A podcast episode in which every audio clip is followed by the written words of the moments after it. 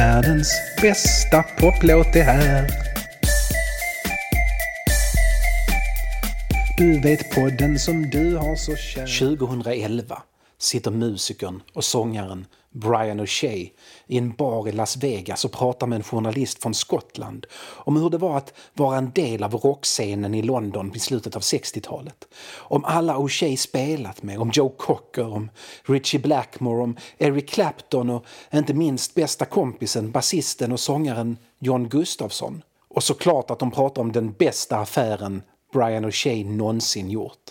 O'Shea spelade gitarr, men det var inte därför han var populär bland musiker och skivproducenter. Nej, hans stora talang var att kunna sjunga med en tonsäker tenor som kunde förmedla känslor även när den var andra eller tredje stämman i ett arrangemang. Han var en gåva att ha i bandet. Genom åren har han sjungit med, med allt från Julio Iglesias till Thin Lizzy till Rainbow till Spice Girls och till nu som barmusiker i en halvdan bar en bit utanför Los Angeles lysande mitt. Han blev aldrig någon stjärna. På skivomslagen på skivorna han varit med på är han oftast angiven som “additional vocals by Brian Keith” om hans namn ens fick plats. Han hade tagit namnet Keith eftersom hans riktiga efternamn O'Shea fick folk att tro att han var irländare. Irländare hade låg status i England på 60 och 70-talen. Eller ja, inte bara då. Att hata människor från Irland är en anrik engelsk tradition. Så den äldre generationen gav inte O'Shea några rimliga chanser och den yngre generationen ville bara prata om politik, Nordirland och klasskamp. Som om allt irländare ville prata om var politik, Nordirland och klasskamp. Dessutom var Shea och hela hans släkt sedan hundratals år tillbaka skottar. Den kommersiella höjdpunkten på O'Sheas karriär kom sommaren 1970 när han tackade ja till att vara med och spela i en rockopera tillsammans med kompisen Tim Rice. Rice hade skrivit en rockopera. Rockopera var ingen helt ny företeelse, det här var efter Hair, men ändå något ganska nytt. Det var ingen dialog för att allting i hela operan skulle sjungas som det ska vara i operor. Tim Rice förklarade över några öl på en pub i London. Det ska handla om Jesus, om Jesus sista vecka i livet fast berättat ur Judas och Pilatus perspektiv. Och Shea var skeptisk till innehållet. Dels lät det väldigt kvasi-intellektuellt och dels fattade han att många skulle bli arga. Men, fortsatte Tim Rice och beställde in en hel massa öl till, alla dina kompisar ska ju vara med. Och med alla kompisar menade Tim Rice att The Grease Band skulle spela musiken. The Grease Band var Joe Cockers kompband, eller hade varit. De hade nyss fått sparken eftersom de menade att de förtjänade betalt om de skulle skriva låtarna, arrangera musiken och hantera sången när Cocker blev för full för att göra det själv efter ungefär halva konserten. Jo, och Shay gillade ju The Grease Band. Du får betalt också, sa Rice. Tusen pund. Och Shay gillade tusen pund. Och Shay hade inte tusen pund men skulle gärna vilja ha tusen pund så han tackade ja. Jobbet skulle visa sig vara både större och mer lönsamt än vad Tim Rice sa där på puben. Det här är världens bästa poplåt. Jag är Nils Karlsson och det handlar om låtar som bygger på verkliga händelser, lite löst i alla fall. Om de har det där lilla extra som kan föra dem förbi teenage kicks of the undertones och faktiskt vara begreppet bättre på grund av verkligheten. Den här gången handlar det om Gud själv, inte om fäder eller heliga änder utan om människosonen själv.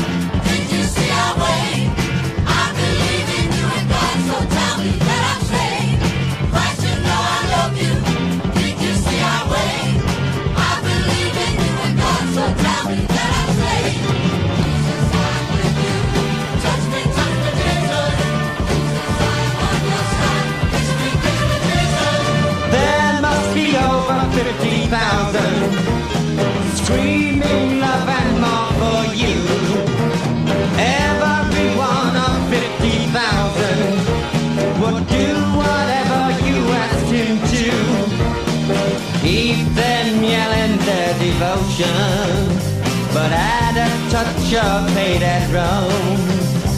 You will rise to a greater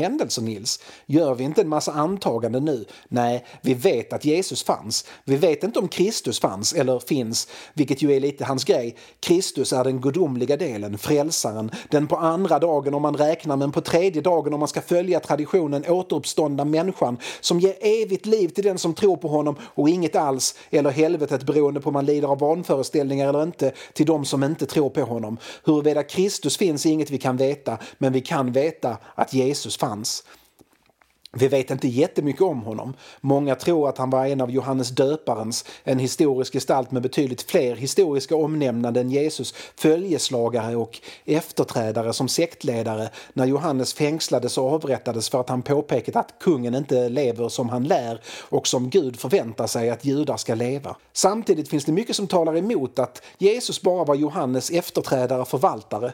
Inte minst evangelierna, det finns fyra i Bibeln, böcker som berättar om Jesu liv och ord. De ansträngde sig väldigt hårt för att dels berätta hur förträfflig Johannes var och dels för att visa att Jesus inte alls är Johannes. Evangeliernas författare skrev i en miljö där det var viktigt att inte stöta sig med Johannes följare och samtidigt faller hela deras koncept om inte Jesus är större än Johannes. För mig är de två avgörande bevisen för att Jesus är en historisk person, men det finns många fler. Den grekiska historikern Tallos som skriver om Jesus år 55 efter Kristus och Markus evangeliet som är från 60-talet efter Kristus. Tallos var inte kristen. Tvärtom tycks han haft en ganska nedlåtande syn på judiska sekter. Men Markus är såklart kristen, helgon och allt. Och möjligen rent av en av de som gick omkring där med Jesus när Jesus gick omkring och gjorde vad Jesus gjorde när han gick omkring. Läkte krymplingar och väckte döda till liv och sånt. Vatten till vin. Om man skriver om saker som hänt för 25-30 år sedan så finns det fortfarande människor som levde och bevittnade det som beskrivs. Det tyder på att författarna vet att ingen kommer skrika “fake news” eller “källa på det” när de läser texterna. Så vi vet att den Jesus som det skrivs så mycket om i Bibeln och Koranen fanns på riktigt. Det är det andra vi inte vet något om, det övernaturliga. Jungfrufödsel verkar inte vara särskilt sannolik till exempel och i vår tid tillför det inget till berättelsen mer än en unken kvinnosyn. Miraklerna verkar inte heller särskilt sannolika. En del av dem återfinns i andra tidigare religioner utförda av andra och en del av dem är så spektakulära att de borde återgivits någon annanstans också.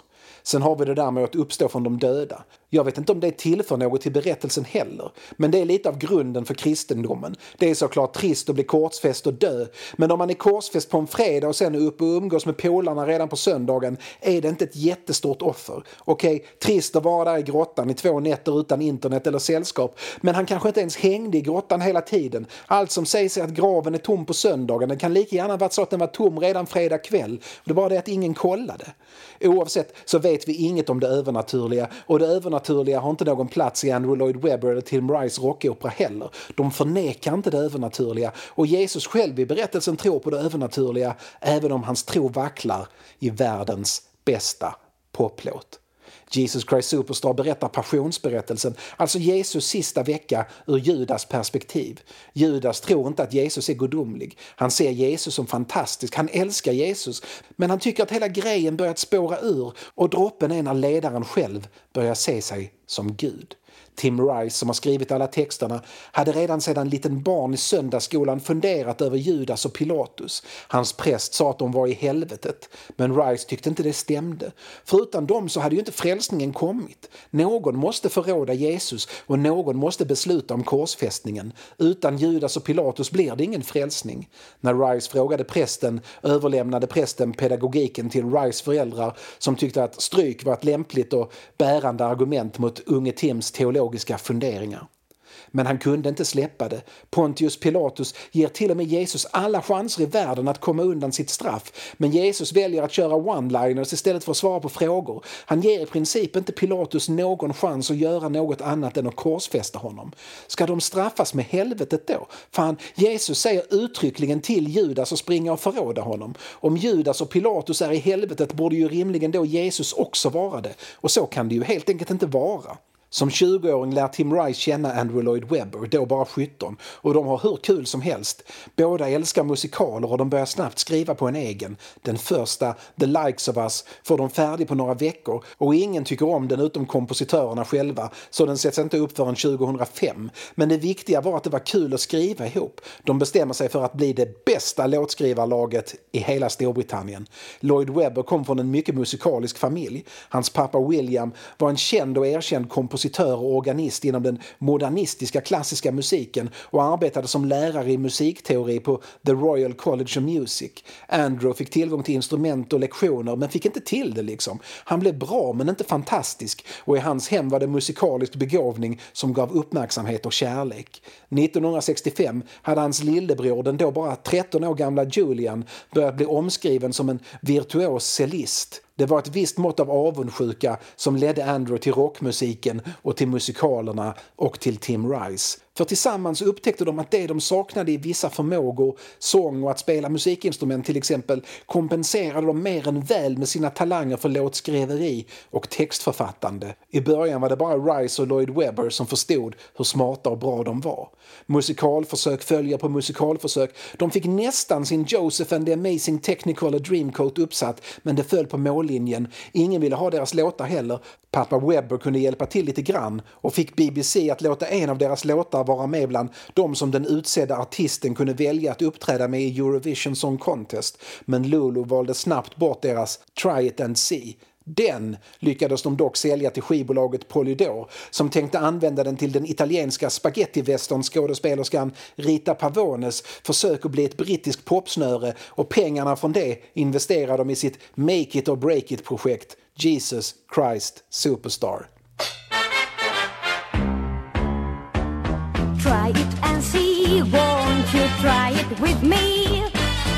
You could be so good for me, I could give you energy. Your love is for free, won't you try it and see? I could be so good for you too. Are you a fading light, a shadow of yourself? Are you alone at night, just sitting on the shelf? Change you, let me show you how. Let me take you, let me have you, let me love you now. Oh, try it and see, won't you try it with me? You could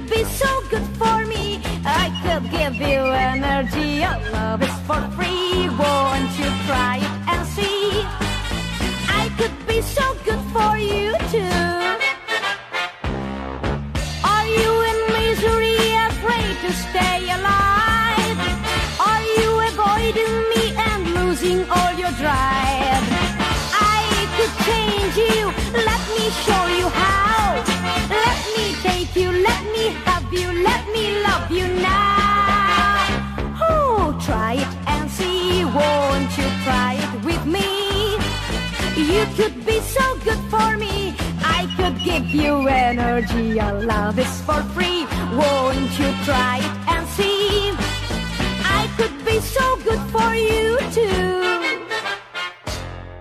Rice och Lloyd Webber behöver en ny strategi. De kan inte utgå från att någon teater ska ta en chans och sätta upp deras musikaler direkt. De är okända och det är dyrt med musikalproduktioner. Så de tänker börja med att göra en skiva och de tänker göra det med den där berättelsen om Judas och Pilatus som Rice inte kan sluta älta. Den där där han utgår från att allt vi kan veta om Jesus är att han var en människa och att det faktiskt också är allt Judas och Pilatus kunde veta från sina perspektiv. Lillebror Julian öppnar dörrar åt dem och snart har de ett kontrakt med Decca på en singel och om den säljer i alla fall lite okej, okay, ett dubbelalbum. Det som verkligen övertygar Decca är att de dels lovar att Triton C ska vara med i musikalen och att de dels säger att de har ett avtal med Murray Head som spelat huvudrollen i Hair i London de senaste åren. Det har vi, ljuger Rice och Lloyd Webber glatt och sen söker de upp Murray Head och säger att han ska få en massa pengar om han går med på att spela huvudrollen som Judas. Murray Head vill jättegärna ha en massa pengar så han tackar ja. Raskt spelar de in låten Superstar och släpper som singel hösten 1969. De låter vokalgruppen The Trinidad Singers stå för kören och Cocker sparkade kompband för musiken. Lloyd Webber fixar ett blås och stråkarrangemang och de bränner nästan halva budgeten bara på den låten. I låten blir den korsfäste Jesus ifrågasatt av en verklig eller inbillad Judas för hans val från ett Judas-perspektiv från 2000 år senare. Sången är catchy och hookig och The Grease Band som fick i stort sett fria händer eftersom Lloyd Webber var upptagen med stråkarna och Rice som inte visste halv sju om att spela funkig bluesrock med gospelkänsla spelar skiten ur musiken. Det blir enastående och dessutom en hit i de delar av USA där man inte bara direkt slänger den på ett av kyrkan arrangerat skivbål. Decca säger att det är bra pojkar, ni får en vecka i studion för att spela in er dubbelskiva. Vilket för oss till dig, Brian O'Shea, säger Tim Rice. Du känner ju alla. Och vi känner ingen. Vi behöver dels din fina tenor till rollen som farisén Annas, men skulle du inte kunna fråga sångaren i ditt band Victor Brox om han kanske kan sjunga Kajafas? Han är väl bas Brox? Visst, det kan O'Shea göra, det slutar med att O'Shea får fråga många kompisar om hjälp. John Gustafsson som precis grundat Roxy Music får till exempel komma och sjunga Simon Seloten, bara som ett exempel. Men Tim Rice hade ytterligare ett led i sin plan, sin smarta plan. Han behövde O'Shea för att fixa Jesus. Tim Rice hade varit och sett Deep Purple och imponerats av deras helt nya sångare Ian Gillan så pass mycket att han bestämt sig för att det där måste vara Jesus. Och han visste ju att O'Shea hade spelat i samma band som Deep Purples gitarrist Richie Blackmore en gång i tiden. Och skulle inte du kunna fråga? Jo, det kunde O'Shea och han höll med. Den där nya sångaren kunde verkligen sjunga. Inspelningarna av skivan går till ungefär som med singeln. Bandet får i stort sett fria händer. Det gör Jesus Christ Superstar till en helt unik rockopera eller musikalskiva. För man hör att det är ett tajt jävla rockband som spelar på den. The Grease Band är i grund och botten ett rockband och de har varit runt och svettats och spelat och kämpat och de skjuter in passion och glöd i musiken som inte några hastigt ihoprafsade studiomusiker hade kunnat göra. Alla instrument gör sin grej och mycket improviserat till perfektion. Lloyd Webbers lilla symfoni symfoniorkester, egentligen tre stråkar, en flöjt och tre mångsidiga bläckblåsare som med hjälp av åttakanalig studiomagi låter som många, många fler anpassar sig till vad The Grease Band gör med Lloyd Webbers musik. De håller sig såklart till anvisningarna och säger Lloyd Webber att här ska det vara lugnt och här ska det vara 13 åttondels takt så spelar de det såklart. Men de gör det med en bluesig känsla och de gör det fan jävla tastiskt. Skådespelarna får knappt träffa varandra, det finns det inte tid till. En vecka är kort tid och inspelningarna måste ske enligt en löpande bandprincip. På något sätt funkar det. I magiska Everything's Alright sjunger Yvonne Ellimans Maria, Murray Heads Judas och Ian Gillans Jesus mot varandra utan att de ens träffade varandra under inspelningarna. Och så bra den är. Och för er som inte är musiker eller vana vid att räkna taktslag, häng med här för det här är, det här är musikteori. Den här låten går i fem fjärdedels takt. Det vanliga i popmusiken är one, two, three, four eller vals, en, två, tre. Men här får ni räkna 1, 2, 3, 4, 5 och häng med, gör det, det svänger katten!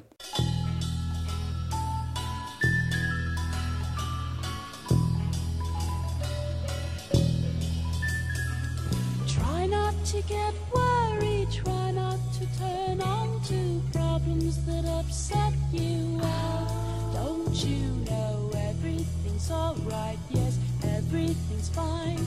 And we want you to sleep well tonight. Let the world turn without you tonight. If we try, we'll get by, so forget all about us tonight.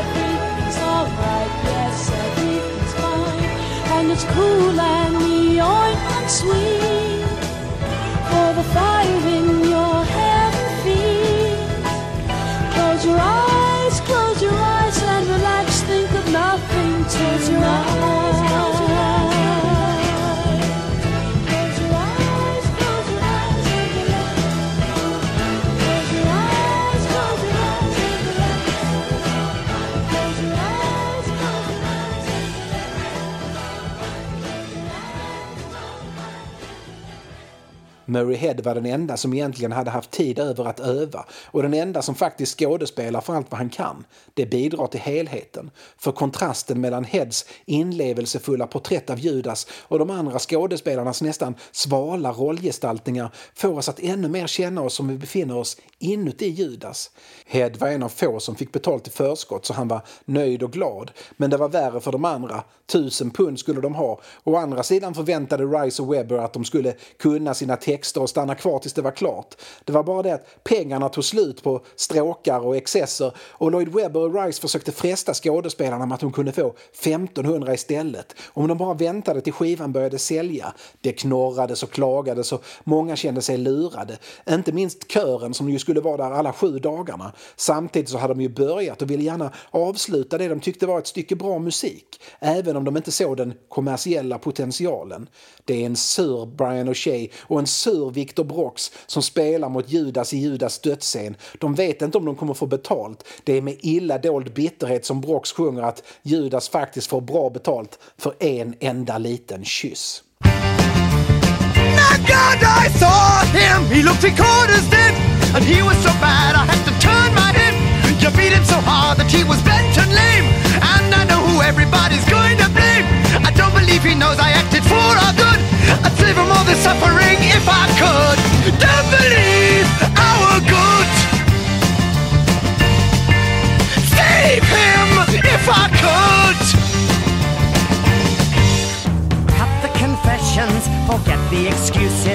I don't understand why you're filled with remorse.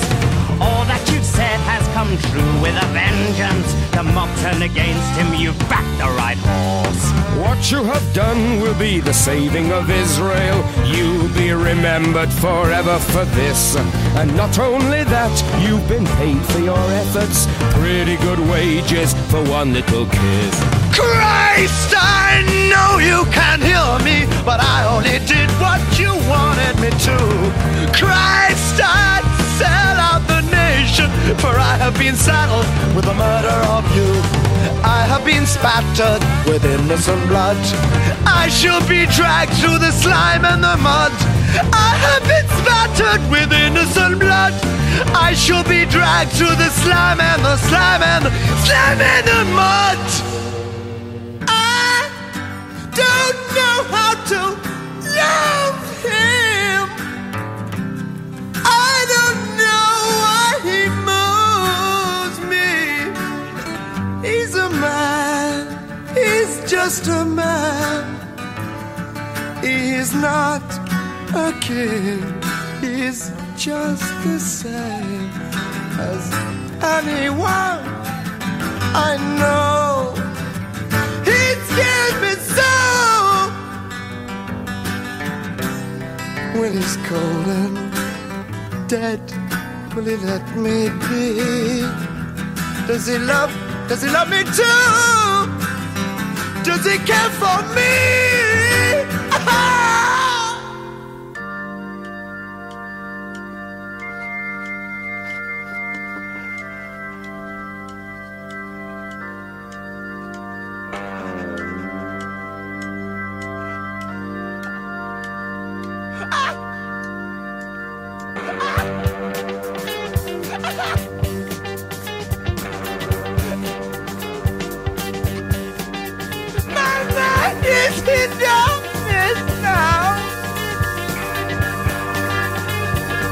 God, I am sick. I've been used, and you knew all the time. God, I never ever know why you chose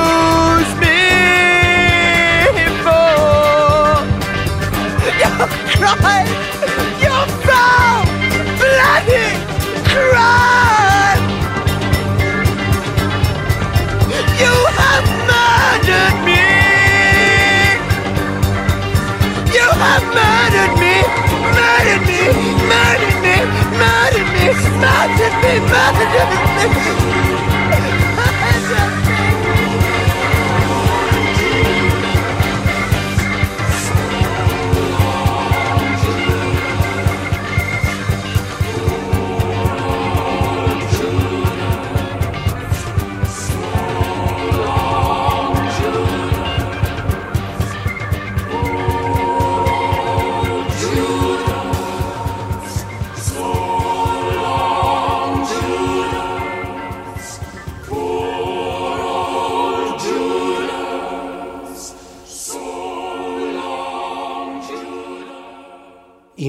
Inspelningarna håller alltså på att gå åt helvete. Sångare hotar med att hoppa av. Sångerskor hotar att hoppa av om de inte får betalt. Men ni får procent på framtida försäljning av Jesus Christ Superstar. All framtida försäljning om ni bara gör det färdigt, lovar Lloyd Webber och Rice. Skådespelarna tänker att framtida procent på ingenting är värre än faktisk betalning i efterskott. Alla tjurar men stannar kvar i alla fall torsdagen ut. En torsdag som O'Shea använder för att gå till Deep Purples replokal. Han måste på något sätt övertala Ian Gillan att gå med på procent eller betalning i efterskott. Gillan har nästan glömt att han gått med på att vara med i den där underliga rockoperan. Han vet knappt om han har tid. Det är fullt upp med Deep Purple med ett sjukt projekt att framföra Purples musik tillsammans med The London Philharmonic Orchestra till exempel och att skriva låtarna till nya skivan In Rock färdigt. Men han har några timmar över på fredag eftermiddag och betalningen är inte så viktigt så han kan tänka sig procenten. Det roliga är ju att kunna säga att man är Jesus.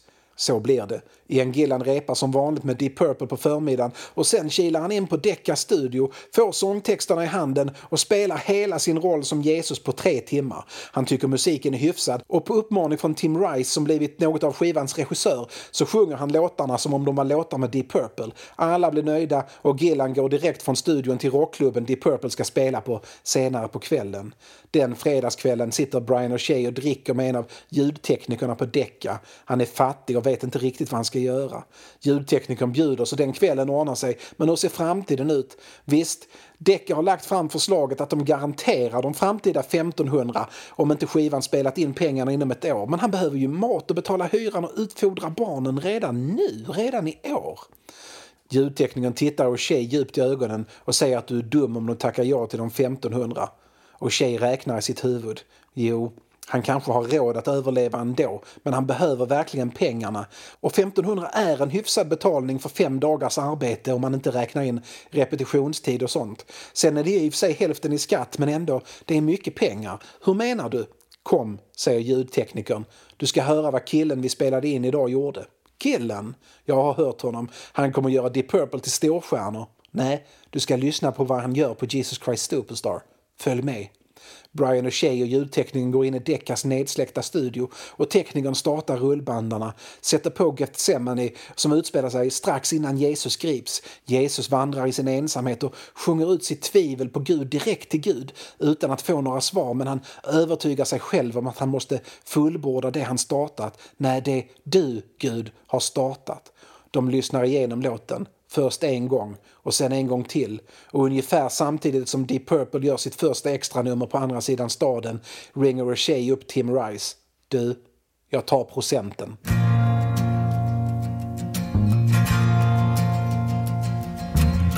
I only want to say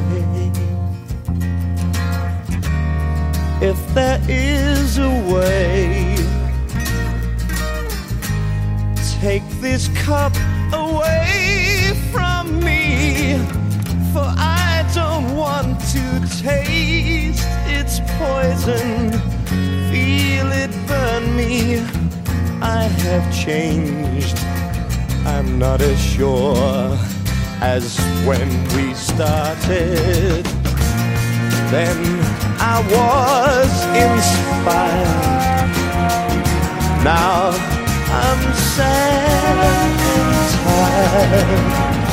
Listen, surely I've exceeded expectations. Tried for three years, seems like thirty. Could you ask as much from any other man? But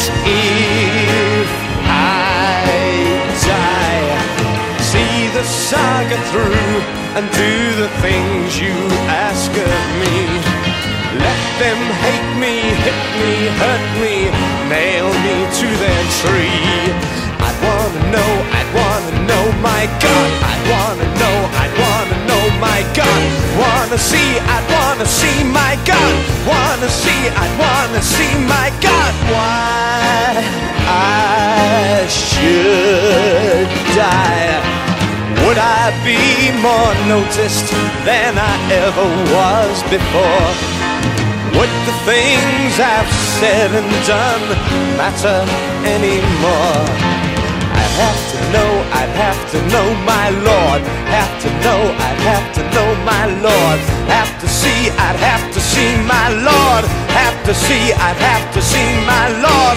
If I die, what will be my reward? If I die, what will be my reward? Have to know, have to know my Lord.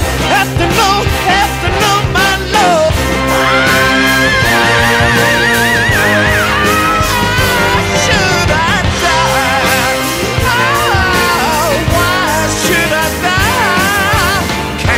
Show me now that I would not be killed in vain? Show me just a little of your omnipresent reign. Show me there's a reason for your wanting me to die. You're far too keen on where and how and not so hot on was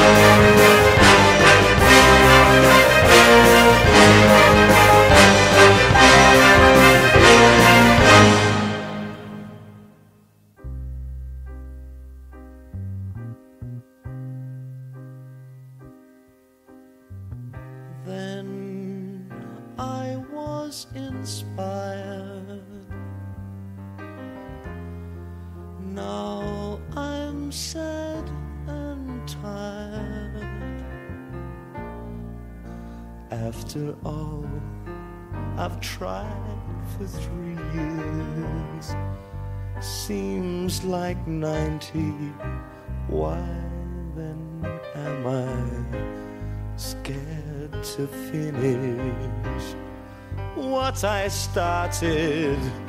What you started, I didn't start it. God, thy will is hard, but you oh,